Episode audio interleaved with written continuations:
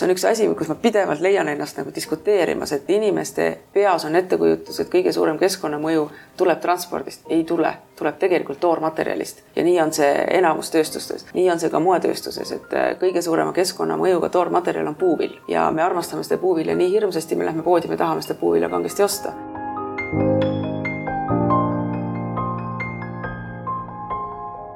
tervitused Tallinnast, minu nimi on Rainer Sterfeld ja te kuulate saatesarja Globaalsed eestlased, kus meie eesmärgiks on luua mälupilt sajast silmapaistvast Eesti inimesest üle maailma, üksteiselt õppida ning tuua meid teineteisele lähemale. on kolmeteistkümnes mai aastal kaks tuhat kakskümmend kaks ning mul on hea meel tutvustada meie tänast saatekülalist, kelleks on jätkusuutliku moe disainer Reet Aus, kes on paljudele eestlastele juba tuntud, kuid kelle tööd ja taaskasutamise põhimõtted saavad maailmas üha enam kõlapinda ja samas valdkonnas on Reedal ka äh, doktorikraad Eesti Kunstiakadeemiast.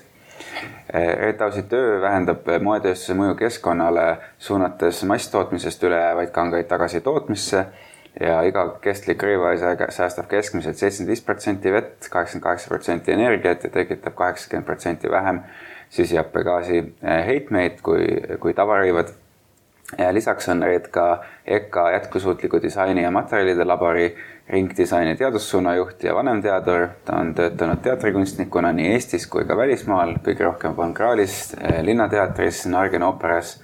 ta on disaininud kostüüme mitme Eesti filmi jaoks ja eelmisel aastal, ehk siis kahe tuhande kahekümne esimesel aastal president eh, Kersti Kaljulaidi Keenias toimunud riigivisiidi ajal lansseeriti ka EKA ja, ja Keenia Moi ülikooli vahel koostööprojekt mille eesmärk on leida lahendusi tekstiilijäätmete ringlusse võtmiseks ning milles Reet on aktiivselt tegev. tere tulemast saatesse, Reet! tere! mul on ääretult hea meel, et sa äh, siia äh, jõudsid tulla oma kiirest graafikust ja, ja et arutada äh, oma, oma tööd ja tegemisi, sest see on oluline valdkond, aga võib-olla läheme täitsa algusse ja räägime hoopis sellest, et äh, kirjelda seda keskkonda, milles sa kasvasid, milline oli keskkond kodus, kes sind vormisid, mõjutasid? jah, no see läheb sinna aega, kus, kus kõik oli väga teistmoodi, kui ta praegu on, et minu lapsed kasvavad hoopis teistsuguses keskkonnas, aga mul oli erakordselt äh, lõbus, turvaline ja, ja, ja kena lapsepõlv, et ma veetsin küll väga palju aega mitte siis oma vanemate, vaid oma vanavanematega koos nagu, sest kuna lasteaeda mind millegipärast ei pandud, tõenäoliselt ei olnud kohta, nagu tol ajal ikka juhtus, siis mind väga suures osas kasvatas hoopis mu vanatädi, kes oli Eesti-aegne kokk, nii et ja kelle põhiülesandeks oli mind lihtsalt priskeks toita mida ta väga, mis, mis tal kogu aeg ebaõnnestus. aga ähm, temaga ma koos veetsin hästi palju suvesid Saaremaal, mu isapoolne suguvõs on sealt pärit, mis oli siis tõesti väga maalähedane elu kuni, kuni võrriga sõitmise ja lehma lüpsmiseni ja, ja teiselt poolt ma veetsin siis üsna palju aega oma, oma emavanematega, kes siis äh, üks neist äh, oli skulptor ja teine arhitekt nende suvilas Klooga rannas, mis oli siis selline teistsugune elukeskkond, joonistasime palju ja, ja, ja palju sellist äh, käsitsi tegemist ja, ja, ja, ja lillepeenraid ja mereranda, et, et äh, ma arvan, et võib-olla nagu need kaks keskkonda ongi vist kõige rohkem mind mõjutanud ja, ja, ja just kui ma nagu praegu tagant nõnda niimoodi mõtlen, siis, siis võib-olla ongi emapoolne vanaisa ja, ja isapoolne vanatädi on need, kes, kes esimesena niimoodi nagu üles tulevad, aga jah, me tegime, mu ema on tekstiilikunstnik, tänu sellele sai väga-väga palju ise asju tehtud kodus, ma õppisin väga varakult õmblema, hakkasin endale, ma arvan, et üks kümne-üheteistaastaselt juba riideid õmblema ise kardinatest ja teiste vanadest rõivastest, mis kätte saada oli, sest eriti midagi peale sitsi kanga poest ei saanud. ja, ja ma arvan, et sealt võib-olla siis see see selline, see kätega tegemine mulle lihtsalt on alati väga endale meeldinud, et äh, ükskõik, mis see ka siis ei ole, et sa ise lood midagi, et see tekitab niisuguse tunde, et sa oled midagi ära teinud mm. -hmm. pärast nagu näed seda, seda ja. tulemust, et see on niisugune, niisugune hea tunne mm. -hmm. sa ähm, äh, õppisid äh, Nõmmel, oli nii? ja ma lõpetasin äh, Nõmme gümnaasiumi, tollase kümnenda keskkooli ja kusjuures ma lõpetasin seal üldsegi mm,. seal oli selline klass nagu teatri eriklass et kui ma, mul oli keskkoolis ähm,, olin ma veendunud, et ma lähen üldsegi teatrikooli. aga jah, võitu sai siis ikkagi soov ise midagi teha, kui, ja jumal tänatud, et see nii läks, et, et mul see, see soov ühel hetkel rauges. aga teatrihuvi sealt ju säilis ja, ja ma siiamaani olen teatriga seotud. nojah, sellest, sellest võiks ka pikemalt äh, rääkida, sellest teatri, teatriga koostööst. Äh, aga, aga kui sa lõpetad äh, Nõmme gümnaasiumi ära, et mida sa siis, kas, kas see kätega tegemise huvi oli nii selge, et sa juba teadsid, kuhu sa edasi lähed või sa otsisid midagi või? ega ta nii selge vist ei, ei olnud küll, et eks ma, mul oli seal ikka mitmeid variante, et ma isegi mõtlesin ajakirjandust minna õppima korra, mul, mul oli lihtsalt väga inspireeriv kirjandusõpetaja keskkoolis ja, ja ma no, ja mulle tundus kirjutamine ka väga huvitav, mida ma ka tol ajal tegin, ma arvan, tunduvalt paremini, kui ma isegi praegu teen, sest see on ka selline seda tüüpi oskus nagu joonistamine, et kui sa seda ei tee, siis ta läheb ära. et ähm, ma isegi, noh, tegelikult mul oli mingi hetk soov minna oma vanaisa jälgedes skulptoriks, sest temaga ma veetsin üsna palju aega tema ateljees ja see oli mulle kuidagi tuttav distsipliin, aga tema väga ausalt vihjates siis minu, ütleme siis nii, et mitte kõige jõulisemale kehastruktuurile ütles, et, et, et kuule, et vali midagi natuke füüsiliselt lihtsamat, et, et et sul pole nagu massi sellega võib-olla niimoodi tegeleda ja ja siis mingisugusel imelikul, ma ei kujuta ette, kombel tundus mulle teie niisugune skulptuurile lähedal olev distsipliin moekunst, mis mingis mõttes polegi nii vale, sest ta tegeleb ka ikkagi kolmedimensioonilise kehaga. kuigi noh, ega mul mingit suurt moehuvi nagu, nagu tegelikult ei olnud ja, ja, ja mul ei ole klassikalises mõistes seda moehuvi tegelikult kunagi nagu olnudki. aga disainihuvi kindlasti ja, ja huvi nagu protsesside vastu, protsesside disainimise ja noh, disainiprotsessi sa saad lihtsalt juurutada praktiliselt igas valdkonnas, et seesama disainmõtlemine on niisugune, et see ei pea alati lõppema ühe moetootega, vaid see võib lõpp, või võib lõppeda lihtsalt parema eluga ka nagu sõna otseses mõttes, et mm. -hmm ja siis sa jõudsid ikkagi moe erialale? ja ma astusin moodi sisse jah, see aasta võis olla üheksakümmend neli äkki peale keskkooli ja, ja, ja ma mäletan väga hästi teisel kursusel mul oli ikkagi väga tõsine kriis, ma mõtlesin, ma olen täiesti valet asja õppima läinud. aga kuidagi ma sealt läksin läbi ja, ja ma leidsin sealt midagi just nimelt tänu sellele disainiprotsessile. Ma ühel hetkel mõtlesin, et noh, et ega suurt vahet ju polegi ja mind tegelikult kostüüm hakkas hirmsasti huvitama ja ma hakkasin väga varakult ka teatris asju tegema, kui ma veel õppisin. ja, ja, ja see ongi hästi kummaline on olnud see erialane liikumine nende aastate jooksul, et ma tegelikult, kui ma oma baka lõpetasin, siis ma ikkagi olin kostüümikunstnik, ma pidasin ennast kostüümikunstnikuks, mitte, mitte disaineriks, et et ja selles valdkonnas ma ju päris pikalt ka pussisin. Ja see, see, kui sa, kui sa seda nagu teekonda nagu mõtled äh, EKA-s, et siis äh, mis hetkel sa jõudsid äh, või mis hetkel sa avastasid enda jaoks, et see tavamood on raiskav või et noh ilmselt avastasid varakult, aga et millal hakkas see nii palju häirima, et otsustasid ise midagi ette võtta? no see otsustavalt häirima hakkas tegi, ikkagi tegelikult juba seal baka lõpus, aga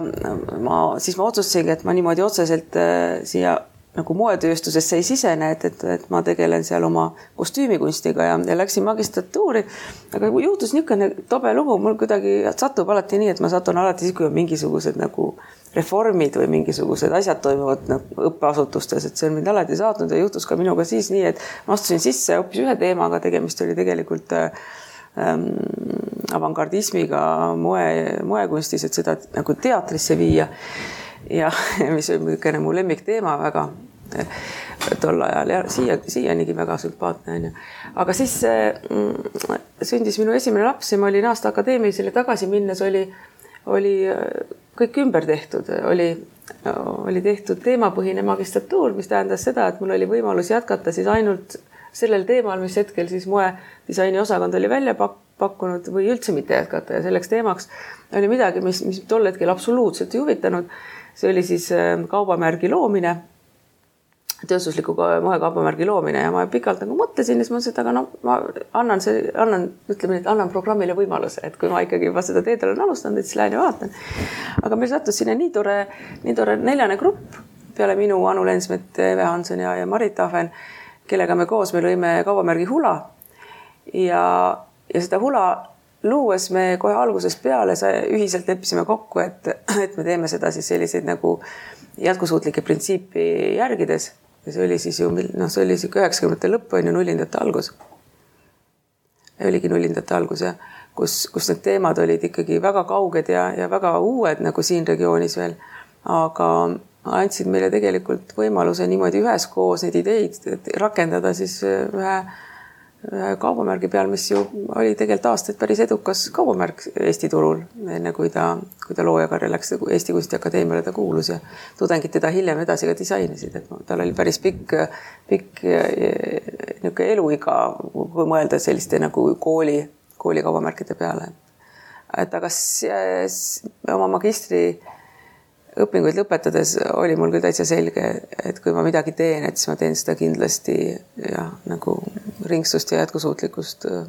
silmas pidades. Hmm. kas, kas koostöö teatriga oli juba ülikooli ajal või see tuli hiljem? ülikooli ajal oligi tunduvalt varem, et, et, et ma tegelikult kõiki neid oma printsiipe, mida ma praegu töös järgin ju, hakkasin rakendama üldsegi tegelikult teatrikostüümis ja ühel hetkel ma sain aru, et, et noh, et kui ma saan tegelikult äh, teatrikostüümi teha siis väärtustava taaskasutuse põhimõttel või siis järgides ainult ja ainult selliseid jätkusuutlikkuse põhimõtteid, et siis võiks seda proovida ka moes teha. ja siis sealt ma hakkasingi katsetama tegelikult need esimesed sellised suuremad kollektsioonid, mida ma ju praegu enam üldse ei tee, et, et niisuguseid äh, nagu show või lava, lavakollektsioone ma ei ole aastaid ju teinud enam. Need olid ikkagi kõik sellised teatraalsed katsetused, aga, aga moevaldkonnas ja, ja võib-olla nagu see, see müüdava rõivani tegemine müüdava rõiva tegemiseni jõudmine võttis mul korralikult aega, sest et,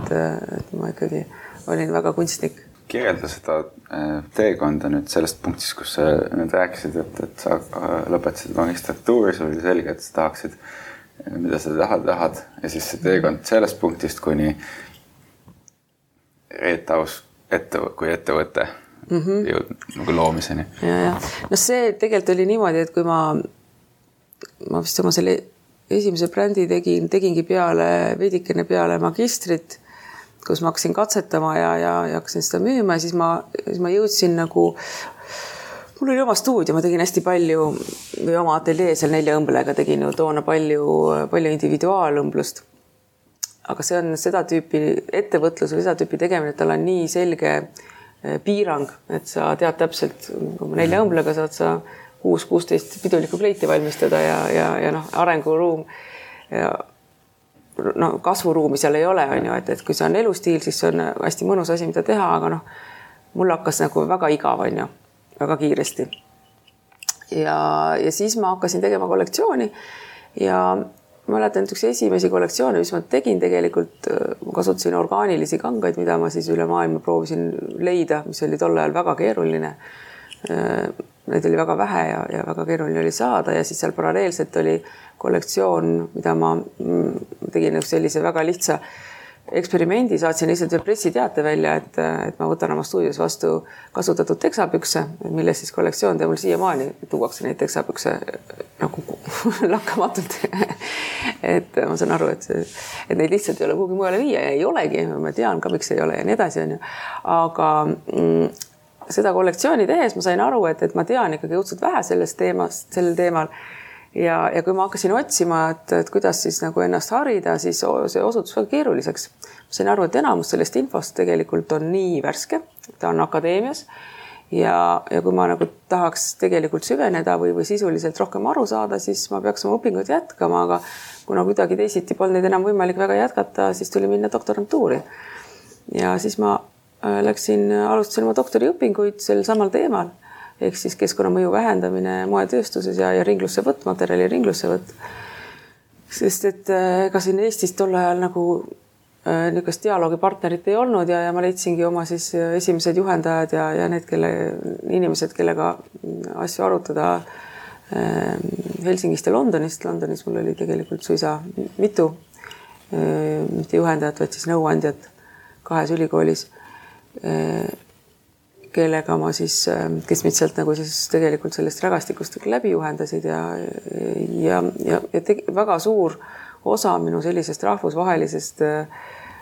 võrgustikust tegelikult saigi alguse sealt ja läheb nagu siin paljude inimestega sellest ajast suhtlen siiani, sest et ega see kogukond liialt suur ei ole maailmas, kes selle teemaga tegeleb, ta muidugi on väga-väga jõudsalt kasvav. viimase viie aastaga on ta ikkagi plahvatuslikult kasvav.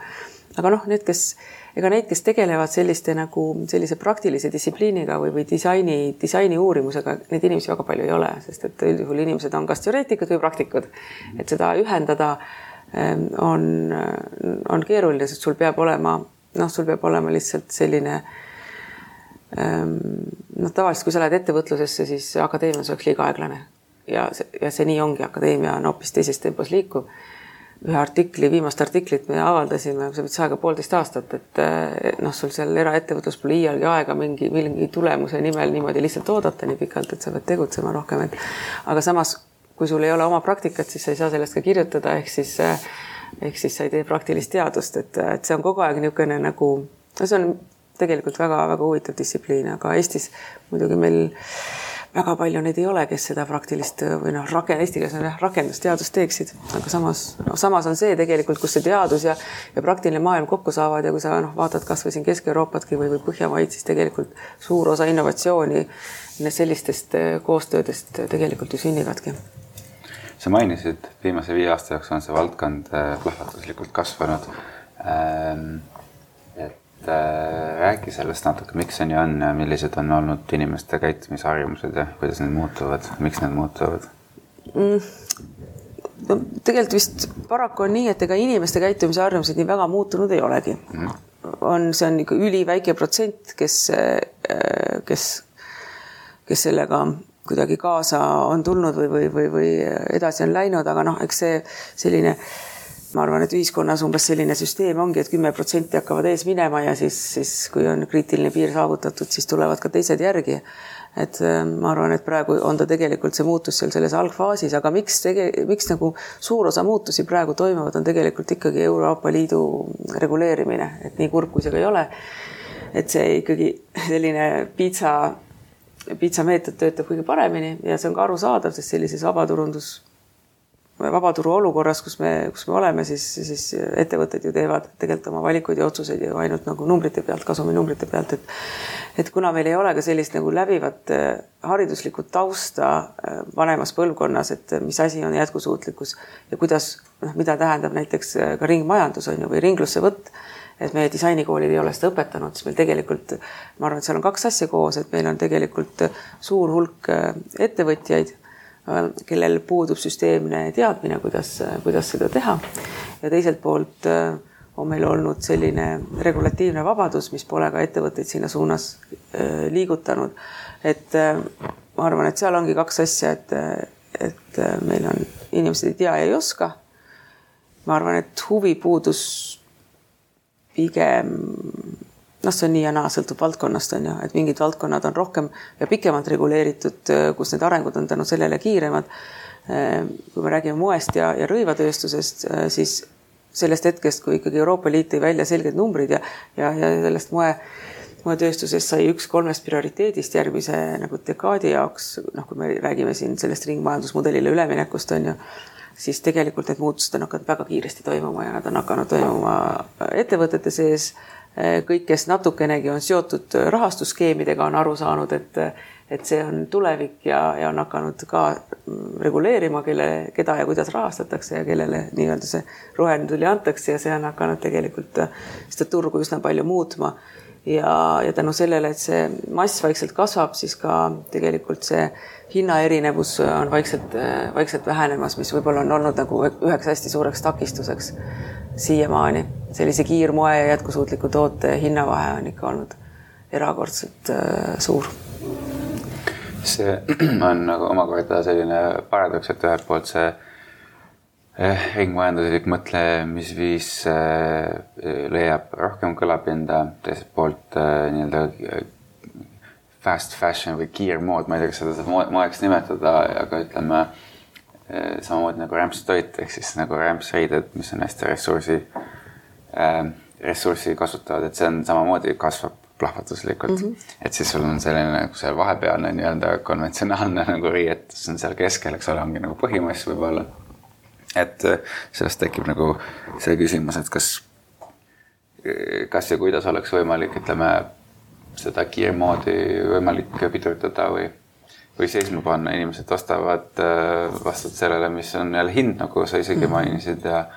asjad ei pea maksma T-särk ei pea maksma üks euro või viis eurot, eks ole, et äh, inimesed ei, näe ja ei tea ja võib-olla ei taha teada vahel, mis seal taga on. nii et nagu on seotud hariduslik probleem, aga selgelt ka majanduslik. ja no vot selle, ma arvan, et äh, Euroopa Liit on ju pikalt ette valmistanud sellist maksustamissüsteemi, et hakata turul siis tõepoolest nagu jälgima tooteid läbi nende CO2 mõju on ju, sest et Ehm, noh, kui, kui Euroopa Liit avaldas numbrid, et, et moe tekstiilitööstus äh, on tegelikult äh,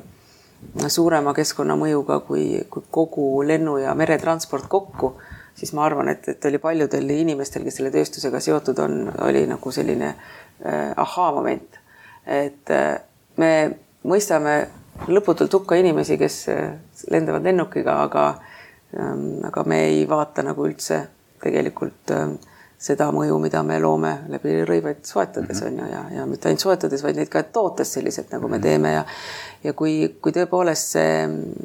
see maksustamine ühel hetkel seotakse sellesama CO2 mõjuga ja kestvusega, et kui kaua üks rõivaese tegelikult vastu peab ja kas ta on monomaterjalist tehtud, et kas ta on ka ringlusse võetav nagu veel selle aspektiga, siis äh, see muudab seda turgu väga-väga palju, sest et ja kui hakkab kehtima veel ka tootja oma vastutus mida väga julgelt ka meie Keskkonnaministeerium on välja öelnud, et seda soovitakse rakendada selles tööstusharus, see on küll, seda teha väga keeruline, on ju. aga kui see rakendub, siis see tähendab ju suurtele nendele samale, sama, samadele suurkorporatsioonidele, kes põhiliselt nagu, kes seda hinnapõhist tootmist teevad ja kelle kes ei ole kunagi mõelnud äh, nagu ringdisaini peale, siis äh, nende ärimudelile on see ikkagi hukatuslik, on ju. Mhm. et äh, ma arvan, et ja see ongi see põhjus, et miks hästi paljud ettevõtted tegelikult on hakanud nagu sinna mm -hmm. ring, ringdisaini või ringmajandusmudeli suunas liikuma, sest et näha on, et ega see vastaslobi seda tööd enam ei jõua ära teha, et nad on hoidnud seda tagasi väga pikalt, et tegelikult see, see soov on olnud ju mm, poliitikat poolt viimased viisteist aastat, et mm, -hmm. et see lihtsalt see vastassurve on olnud nii tugev, et me teame küll, kes on näiteks Rootsi riigi suurimad maksumaksjad, et eks mm -hmm. loomulikult neil on sõnaõigus mm. -hmm nojah, see tar tarneahela läbipaistvus äh,, rõivaeseme ja ökoloogiline alajälg ja, ja nende inimeste nagu õiglane tasu, kes seda toodavad äh,. noh, need on nagu olulised komponendid, eks lõpuks ka tarbija harimisel on nagu oma tulemus, aga, aga noh, et kuidas ma tahan öelda, et noh, seesama upcycling, et, et tal on ju omad piirid, eks ole, et, et kui sa kasutad nagu olemasoleva moetööstuse nagu ähm, jääke, mis oli, ma lugesin äh, su kodulehelt oli vist mingi kaheksateist protsenti on see mingi no, keskmine, jääkide, ütleme keskmine mm -hmm. protsent jah, et siis äh, et sa siis aitad optimeerida olemasolevat tööstusega, siis see nagu see üleminek, eks ole, sellest käitumismudelist selleni, et, et kõik riided võiks olla kestlikud. Et see ongi see, see, see teekond, eks ole. jah, no vaata, sel tootmisel on alati ülejäägid, on ju, et selles mõttes on ja samamoodi on noh, kas, ka sellel upcycling tootmisel ülejäägid, mis sellele peaks järgnema recycling on ju, et et noh, me oleme neid ähm, katsetusi siin teinud, ähm, siin aastaid tagasi tegime Stockholmi Keskkonnainstituudiga ühe projekti ühes India tehases, kus me aitasime nad jäätmevabaks muuta ja nüüd me hakkame töötama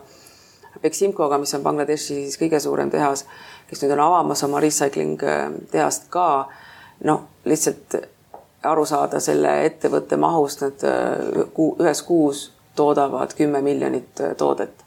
ja, ja kui sa võtad äh, noh, viimane analüüs, mis me tegelikult tegime, see artikkel, mis ilmus, näitab et, kakskümmend viis kuni nelikümmend protsenti, kui sa loed kokku kõik jäätmeliigid on ju selles valdkonnas, on tegelikult need, mis seal jäätmena sinna tehasesse maha jäävad. Need mahud on, need mahud on lihtsalt nii suured, et, et siin väikses Eestis natukene võib-olla viieteist õmblega kuskil tootes, me tegelikult ei kujuta ettegi, millised on mm -hmm. need, need jäätmemahud suurtes tootmispiirkondades. ja noh, vaata, kes ongi seda ringmajandust, kui sa hakkad seda juurutama, seal on nii palju põhimõtteid, on ju, loomulikult nagu kui sa hakkad algusest peale, siis noh, sul esimene asi on see, et sul peaks olema monomaterjalid, et sa suudad neid, neid tooteid ümber töödelda aga noh, seesama väärtustav taaskasutus, väga kohmakas eesti keel ja ka see upcycling on siis üks tõesti üsna kitsas valdkond, aga ilma milleta seda ringlust me mitte kuidagi ei saavuta. Ja, ja tööstuslikul tasandil mingil imelikul põhjusel seda rakendatud ei ole ja, ja tegelikult see põhjus polegi nii imelik, see põhjus on ka arusaadav. miks seda rakendatud ei ole, on see, et, et, et tehas on tõepoolest keskendunud ainult nagu selle toote valmistamisele ja ja kõik, mida ta ju valmistab, kõik need regulatsioonid või, või, või tehnilised äh,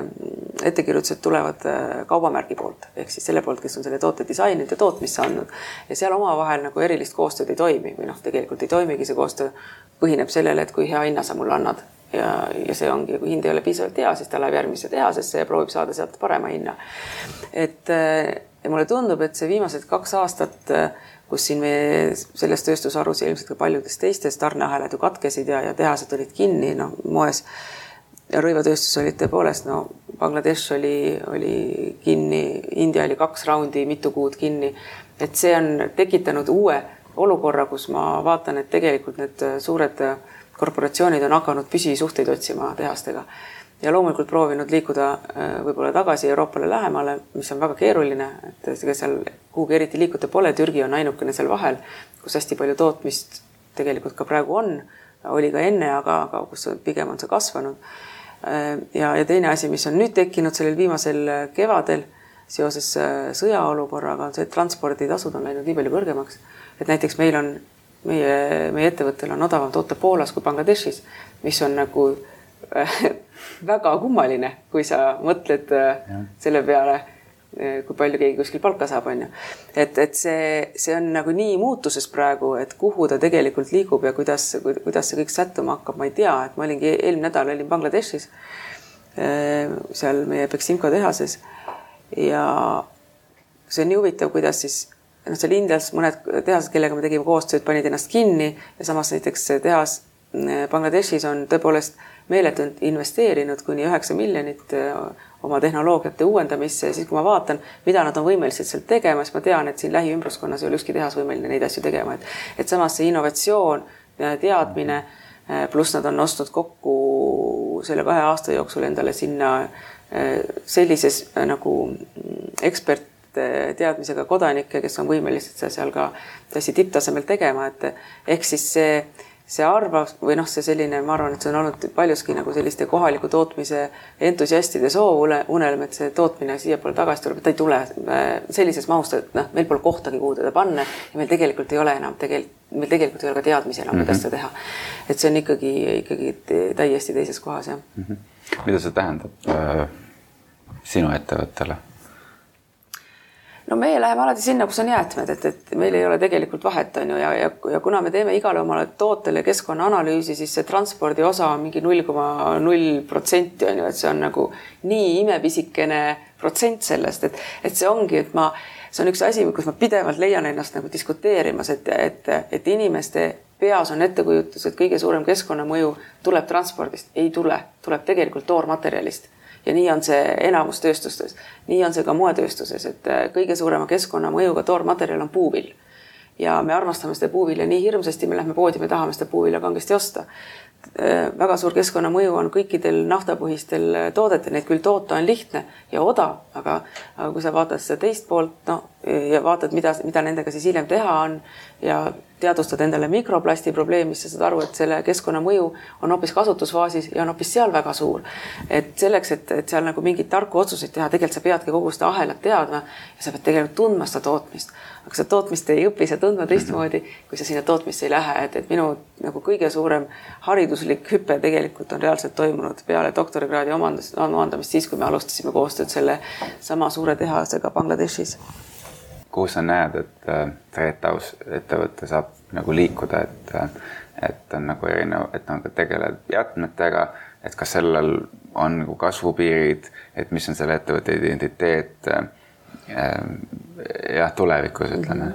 kasvu, kasvupiiredel tegelikult ei ole, sest et noh, me tegeleme tugevalt kahe suunaga, üks on seesama upcycling ja no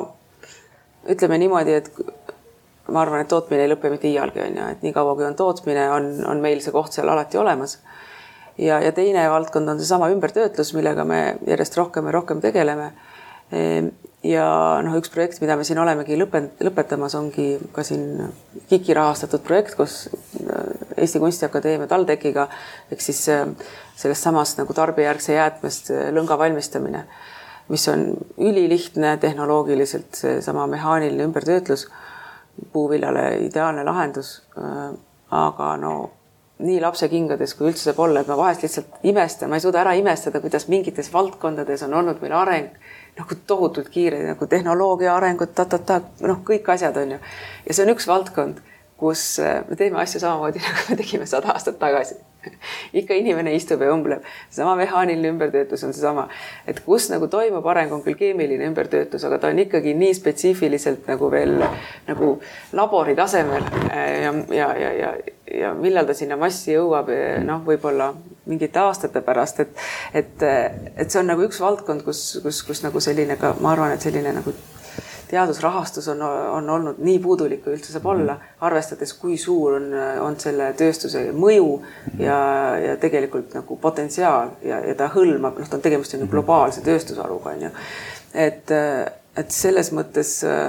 on see tööstusharu sellises tõepoolest üsna kurvas seisus ja, ja seal seda muutust teha on, on tänu sellele, et ta on globaalne, aga väga-väga raske ja tänu sellele, et seal neid nii-öelda otsustavaid kodanikke noh, istub tõesti nii erinevates kohtades ja neil on nii erinevad huvid, et, et ega ta lihtne ei ole. ütleme tehnoloogiamaailmas sa võid leida ettevõtteid, kes mõtlevad ringmajandusest äh, nii, et äh, võtta suuremat äh, vastutust ja osa, osalust selles kogu ringmajanduses, kogu toote elutsüklist, et materjalide hankimisest, tootmisest ja, ja pärast utiliseerimisest, et sa oled koos selle, et see tootja eksisteerib koos selle tarbijaga koos, eks ole, kuni selle toote eh, eluea lõpuni ja siis võetakse tagasi, sellest mm -hmm. tekivad mingid uued asjad, et kas, kas ütleme, ringmajanduse mõistes rõiva tootmises on mingi selline hea näide äh, ettevõttest, kes seda hästi teeb no kus sa mõtled niimoodi suurelt või? no ei pea olema suurelt. ja, ja no, no meie teeme seda, on ju, aga me katsetame. Noh, sellepärast me katsetamegi ka sedasama lõnga ümbertöötlust ja nii edasi, on ju. noh, seal on kõik need etapid, on ju, et noh, meil on seal muidugi mitu ringi, eks ole, et esiteks me teeme juba ülejääkidest, on ju, siis meil on seesama parandusteenus, mis aitab seda toote eluiga pikendada, pluss me võtame tagasi oma läbikantud tooted, et nad ei satuks prügilasse, sest Eestis toode läheb enamalt jaolt prügilasse, on ju, kui neil järelturgu ei ole, siis me võtame nad tagasi. ja, ja see, mida me siis praegu katsetame, ongi see, et, et, et, et, et see puuviljapõhiselt siis teha seda seda mehaanilist ümbertöötlust. meil praegu ongi Valencias väike näitus, kus, kus need katsetused on üleval. et me päris edukalt jõudsime siis äh, mütsini sellest lõngast kootud mütsini, mis, mis siin täiesti üllatuslikult leidsime ka Tallinnast ühe 3D mm, või siis nagu seamless knit nimetatakse seda, mis on põhimõtteliselt nagu selles valdkonnas nagu 3D printimine ehk siis jäätmevaba kudum jõudsime siis koostöös Vetaga selle esimese tooteni, mis on siis, mis on siis noh, kolme nagu siis ülejääkidest, ümbertöödeldud ülejääkidest äh, kootud äh, jää siis zero waste äh, mütsikene on ju, et noh, kui sa seda niimoodi vaatad, see kõik kõlab kaunilt. Aga praktikas loomulikult see tootearendus on väga alguses ja ta on nagu, olgem ausad, ka väga kallis aga noh, küll me sinna ühel hetkel jõuame, et, et praegu me kasutame tegelikult äh, Itaalia lõngasid, mis on siis tarbijärgsest jäätmest ümber töödeldud. Äh, et küll, küll ühel hetkel noh, see ilmselgelt on see, on see selles valdkonnas nagu noh, tulevik, et, et ühel hetkel see kasvab nii palju, et need hinnad lähevad ka mõistlikumaks. Äh, noh, kes, kes teatud osas seda kindlasti teeb, on Patagonia suurtest Äh, nemad mm, küll nagu oma asjade ümbertöötamisega minu teada veel niimoodi otseselt ja suures mahus ei tegele, aga küll nad pakuvad ka sedasama parandusteenust ja, ja mingeid asju nad ja nad ka vaatavad, et nende, need minu arust nad liiguvad üsna tugevalt monomaterjalide suunas. et see noh, kui sa tahad vaadata, et milline bränd seda teeb, see tegelikult see seda võimaldabki ennekõike see, et, et su tooted on kõik ühest, koosnevad ühest kiust. et kui me räägime sellest, et mis oleks siis kõige mõistlikum ja jõuame siia Eestisse, mis meid toob siia mis meid toob ühe, ühe, ühe aastaid tagasi olnud suure skandaali juurde, kus üks tehas siin tegemata jäi, ehk siis puidu väärindamistehas, siis tegelikult, kui sa vaatad seda nagu sellest moe- ja tekstiilitööstuse perspektiivist, siis on see suur kuritegu, et seda tehast ei, ei, ei leitud kohta selle tehase jaoks, sest et kui me vaatame, kui me võrdleme näiteks puuvilla ja me võrdleme viskoosipõhist, viskoosi või siis nagu puidu, puidupõhist äh, kiudu, siis see on lõputult keemiliselt ümbertöödeldav. see on üks materjaliliik, mille, kui sa võtad kasutusse, ta jääb sulle sinna aegade lõpuni tiirlema, mida me ei saa tegelikult öelda puuvilla kohta, on ju. et äh, noh, soomlased on kõvasti ees meist selle, selle arendusega ja, ja, ja, ja sealt varsti nad selleni ka jõuavad, et, et siis selline nagu puidupõhine ja seal pole vahet, sa võid panna sinna ükskõik millise bioloogilise massi, on ju, ja nad on jõudnud ka selleni, et nad lisavad sinna juba tegelikult tarbijärgset jäädet, mis on, mis on puuviljapõhine, et, et need arendused on väga kihvtid, mida nad on teinud. minul muidugi on kahju, et me seda siin Eestis ei tee. me võiksime, oleksime võinud varem alustada sellega ja ka siin teha, et, et väärindada ja leida nagu ägedaid lahendusi, et, et, et, et, et metsa, metsa, metsa noh, ma olen ju paduroheline, aga, aga me ju kõik teame, et, et mingi metsatööstus meil on ja alati säilib ja sellel on ka ju oma väga selge ülejääk ja pigem seda ise väärindada siin kohapeal, kui hästi odavalt välja müüa. me vaatame seda, ma vaatan seda hästi-hästi lähedalt üldse kõiki, ütleme äh, väärtusahelaid ja tarneahelaid, et siis kõikides äh, etappides peab see asi muutuma äh, oluliselt kestlikumaks, ehk siis, et, et kui kasut-, et kui nagunii kasutame puitu mingiks asjaks, siis äh, metsa majandamine, puidu mahavõtmine peaks muutuma nii efektiivseks kui vähegi võimalik. see ainuüksi ühe puu mahavõtmine täna on tegelikult väga suurte äh, kõrvaljääkidega, mitte see puit ise, vaid mm -hmm selle ümber toimuvad protsessid ja jalajäljed ja, ja mingi ökosüsteemi lõhkumine, siis palju puid võiks üldse jätta sinna paika, kus nad on, eks ole, et sa jätad selle süsiniku sinna. et sa vaatad kogu seda ahelat mm. -hmm. sama asi on umbes noh, ma ei tea, liha söömisega, mina liha ei söö, on ju. aga ütleme, et inimesed, kes söövad jah, mis oleks, kui me saaksime seda ühe kilo, kilo liha tootmise kuluvat, ütleme, CO2 äh, mahtu kaheksakümmend protsenti vähendada, midagi sellist, eks ole, siis ja siis on terve hunnik inimesi, kes loomulikult loobuvad, eks ole, taimsele äh, dieedile, et et, et sama asi on nagu rõivastes, et ükskõik, vaatad seda väärtusahelat, et need osad, mis nagunii jäävad alles, need peavad minema nii efektiivseks kui võimalik ja siis teised asjad muutuvad hullult äh, kestlikuks nii et ütleme, et, et mida rohkem ma ise tegelen erinevate valdkondadega, seda rohkem tekib, et, et sa pead vaatama kogu pilti ja, ja, ja lihtsalt mõttetu raiskamine ära lõpetada. absoluutselt ja siin ongi seesama tööstussümbioos, millest me ka nii vähe räägime ja mille häid näiteid on ju maailmas väga palju mm. -hmm. Et seesama, et ühe, ühe ettevõtte või ühe tööstuse noh, ülejääk on suurepärane sisendmaterjal teisele, et, et, et seda ka targalt teha, mitte noh, mitte mitte nii võib-olla nagu meil hästi palju juhtub, on ju, absoluutselt.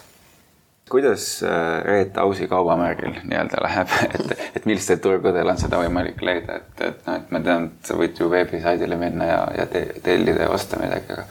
aga kas, kui, kui üleilmne see bränd täna on või kuidas te sellest üldse mõtlete? meil läheb, ähm, ma ütleks, et meil läheb hästi praegu, olid üsna, üsna keerulised kaks aastat loomulikult, mis nagu selles valdkonnas oli, aga meil kuidagi juhtus täiesti kogemata nii, et, et vahetult enne, enne seda kriisi algust me olime tegelikult tegemas suurt muutust ja me tegime oma hinnapoliitika läbinähtavaks ja, ja me tulime edasimüüjate juurest ära ja keskendusime otsemüügile ja olime just selleks ajaks jõudnud oma uue veebi ära ehitada ja, ja, ja oma, oma toodetega nagu mm, ronida nagu veebi suuresti, et eh, seetõttu noh, kõige hullem see aeg meie jaoks ei olnud, aga, aga praegu see fookus on meil, me siseneme, siseneme Saksa turule aktiivselt, liitume Zalandoga, nüüd see Zalando, siis me peaksime siin järgmise kuu aja jooksul äh, laivi minema, mis, mis on väga tore, Zalando ise meie poole pöördus, sest nad on avamas oma jätkusuutliku moe portfooliot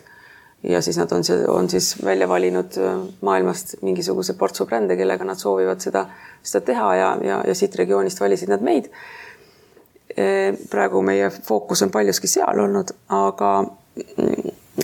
jah, järgmise, võib-olla see järgmine hooaeg, mis tulemas on, keskendume me siis väga selgelt saksakeelsele turule, mis tegelikult orgaaniliselt peale Eestit ongi meie järg, suuruselt meie järgmine, järgmine turg, et ja siis sealt edasi tuleb äh, Soome. Jaapanis me ka tegutseme, meil on Jaapanis oma agent, see on ainus koht, kuhu me oleme jätnud oma agendi, sest seal ise toimetada on praktiliselt võimatu. et, et äh, eks see Jaapan on keeruline koht, aga, aga kuidagi me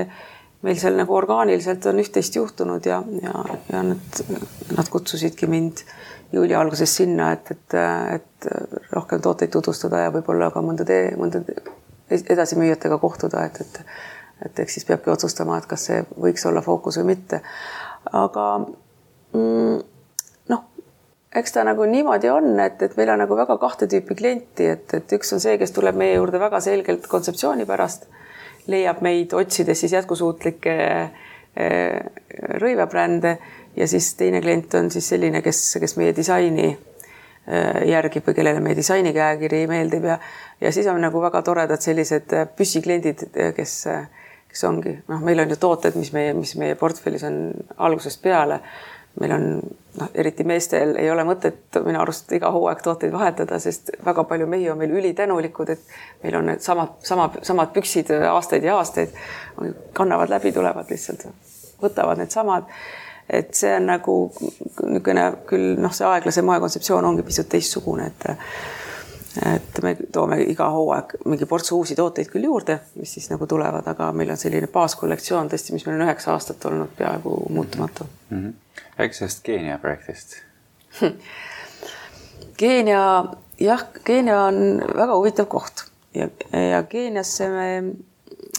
me sattusime niimoodi tegelikult, et me hakkasime Jaak Ilmiga tegema järge filmile Moest väljas. Ja uue filmi nimi saab olema siis täiesti moest väljas. ja kui me esimeses filmis vaatasime või keskendusime sellele tootmisjärgsetele jäätmetele, siis, siis praegu me oleme otsustanud vaadelda seda tarbijajärgset jäädet. ja miks on see tarbijärgne jääde, on meil siin Euroopas osutunud erakordselt üheks suurimaks ja keerulisemaks jäätmeprobleemiks, sest sellega ei osata mitte midagi teha. ja Eestigi on sellega ju väga hädas, meil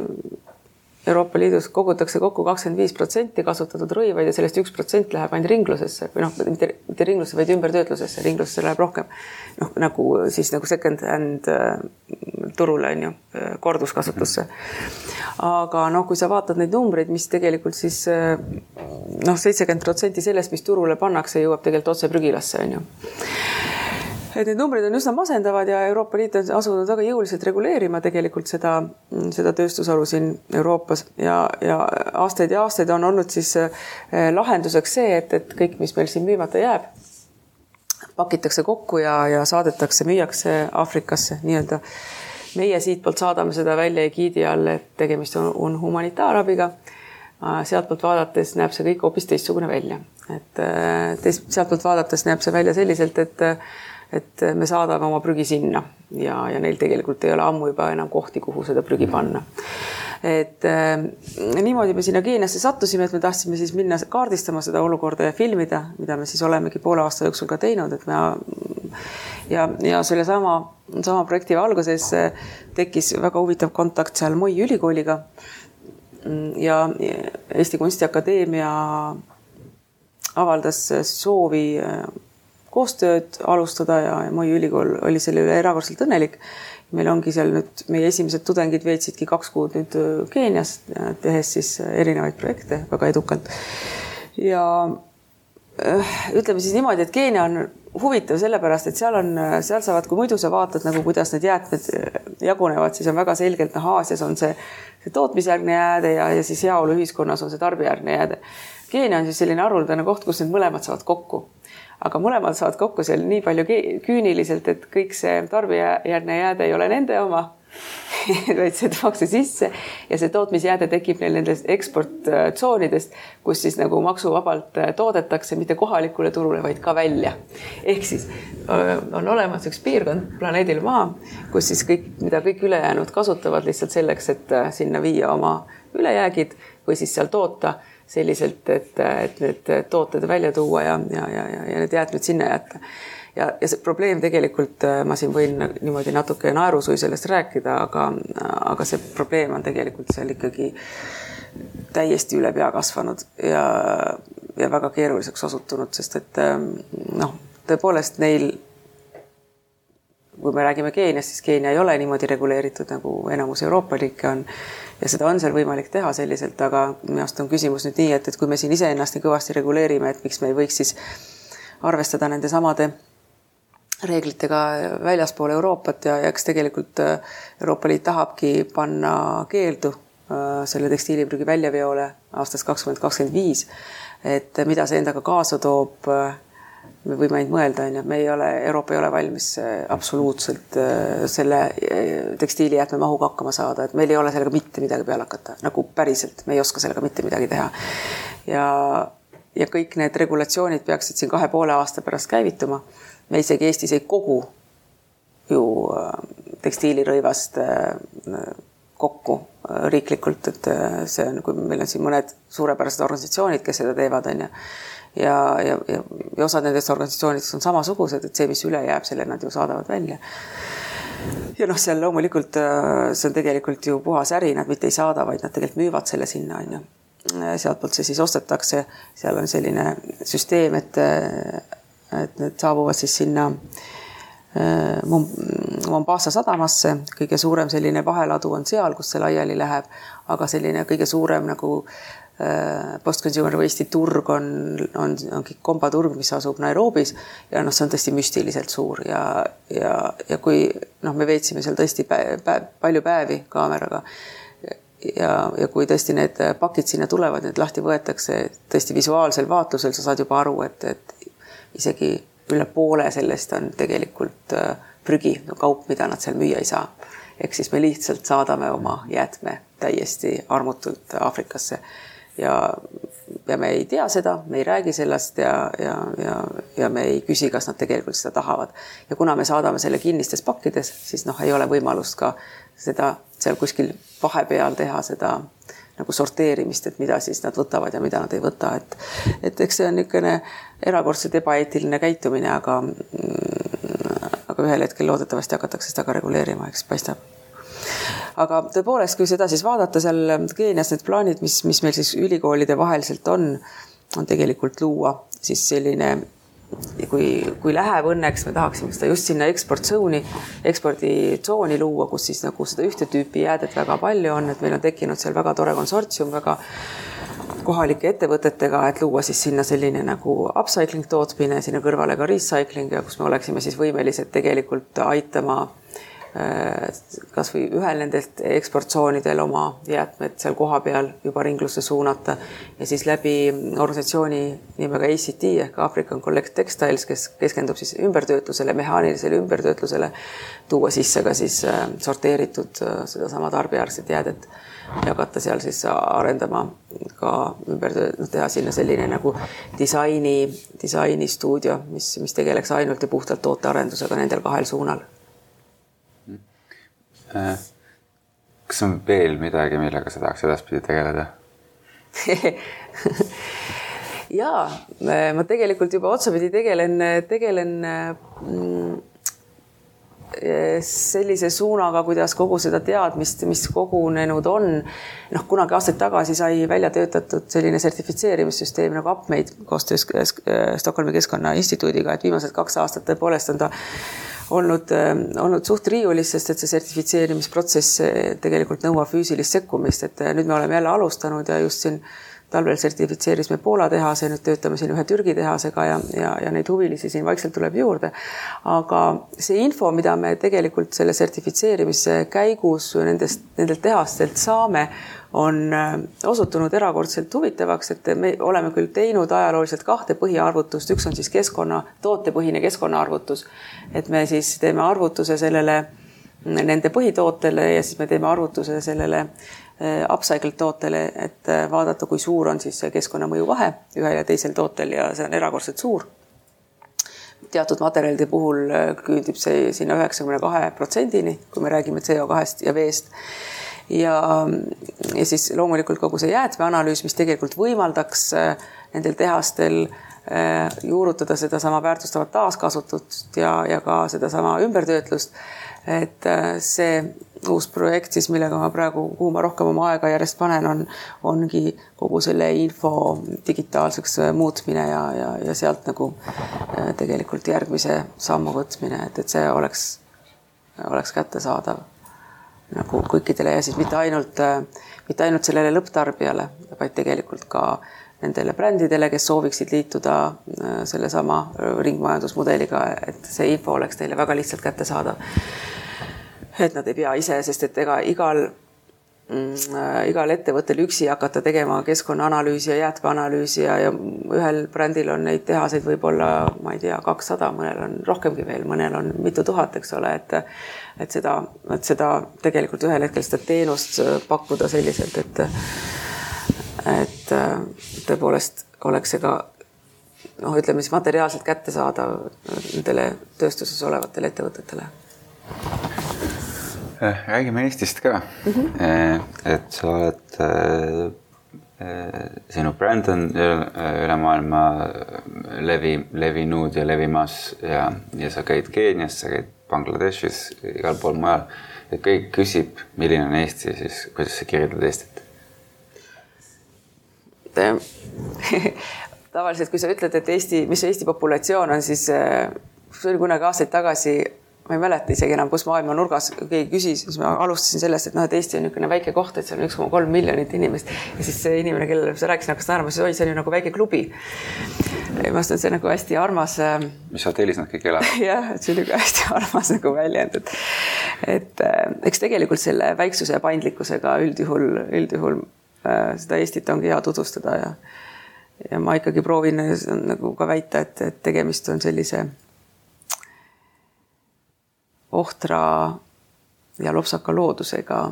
paigaga, aga ma olen aru saanud, et see tegelikult ei ole see koht,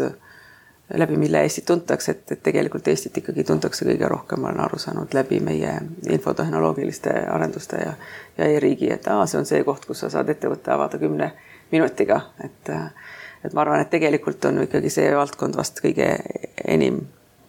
enim jõudnud nagu maailma erinevatesse kohtadesse mm. -hmm. see aga... võimendab, see avab uksi ja siis sealt edasi saad rääkida muid asju. ja, ja, aga noh, ikkagi tegelikult teatakse üsna vähe Eestit mm, -hmm. kui, kui sa ikkagi niimoodi laias laastus vaatad, et mm. -hmm. kui, kui sa saaksid äh, üleöö ühe asja Eestis paremaks muuta, siis mis see oleks? mina muudaks kõik inimesed äh, teadlikumaks lihtsalt ja see oleks üks, üks ja siis juba muutuks kõik asjad iseenesest et ähm, noh,